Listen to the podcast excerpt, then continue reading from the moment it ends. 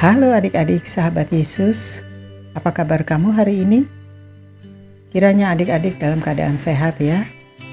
Puji syukur kita masih diberi waktu untuk membaca dan merenungkan firman Tuhan hari ini. Tante yakin adik-adik selalu rindu akan firman Tuhan. Tema renungan kita hari ini adalah Tandiwe Cama.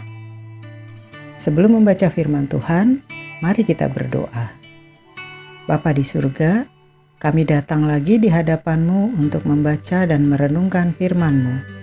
Kiranya roh kudus memimpin kami untuk dapat mengerti akan firman-Mu, dan kami dimampukan menjadi pelaku firman Tuhan dalam kehidupan kami tiap hari. Dalam nama Tuhan Yesus, amin. Adik-adik, mari kita buka Alkitabnya. Bacaan firman Tuhan terambil dari Yesaya 49 ayat 1 sampai 3. Mari kita baca bersama-sama ya. Dengarkanlah aku, hai pulau-pulau. Perhatikanlah, hai bangsa-bangsa yang jauh. Tuhan telah memanggil aku sejak dari kandungan, telah menyebut namaku sejak dari perut ibuku. Ia telah membuat mulutku sebagai pedang yang tajam dan membuat aku berlindung dalam naungan tangannya. Ia telah membuat aku menjadi anak panah yang runcing dan menyembunyikan aku di dalam tabung panahnya. Ia berfirman kepadaku, Engkau adalah hambaku Israel, dan olehmu aku akan menyatakan keagunganku. Adik-adik, Pernah mendengar kisah perjuangan Tandi Wecama? Siapa dia dan apa yang dia lakukan? Tandi Wecama adalah seorang anak perempuan asal Zambia, Afrika Timur yang menjadi pejuang pendidikan saat usianya baru 8 tahun. Wah, pasti ada di antara adik-adik yang seusia dengan Tandiwe ya. Berawal dari saat sekolah tempatnya menuntut ilmu ditutup pada tahun 1999. Tandi Wecama berjalan ke sekolah lain untuk memimpin protes siswa terhadap hak memperoleh pendidikan. Saat itu terjadi pembatasan akses pendidikan terhadap anak perempuan karena pemahaman masyarakat yang masih konservatif. Adik-adik bisa bayangkan ya, keberanian Tandiwe, Tandiwe tidak menyerah dengan keadaan.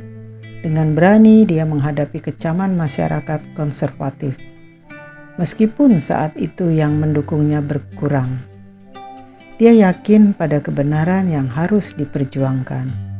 Dia menggunakan mulut pemberian Tuhan untuk menyatakan kebenaran bahwa setiap orang berhak atas pendidikan.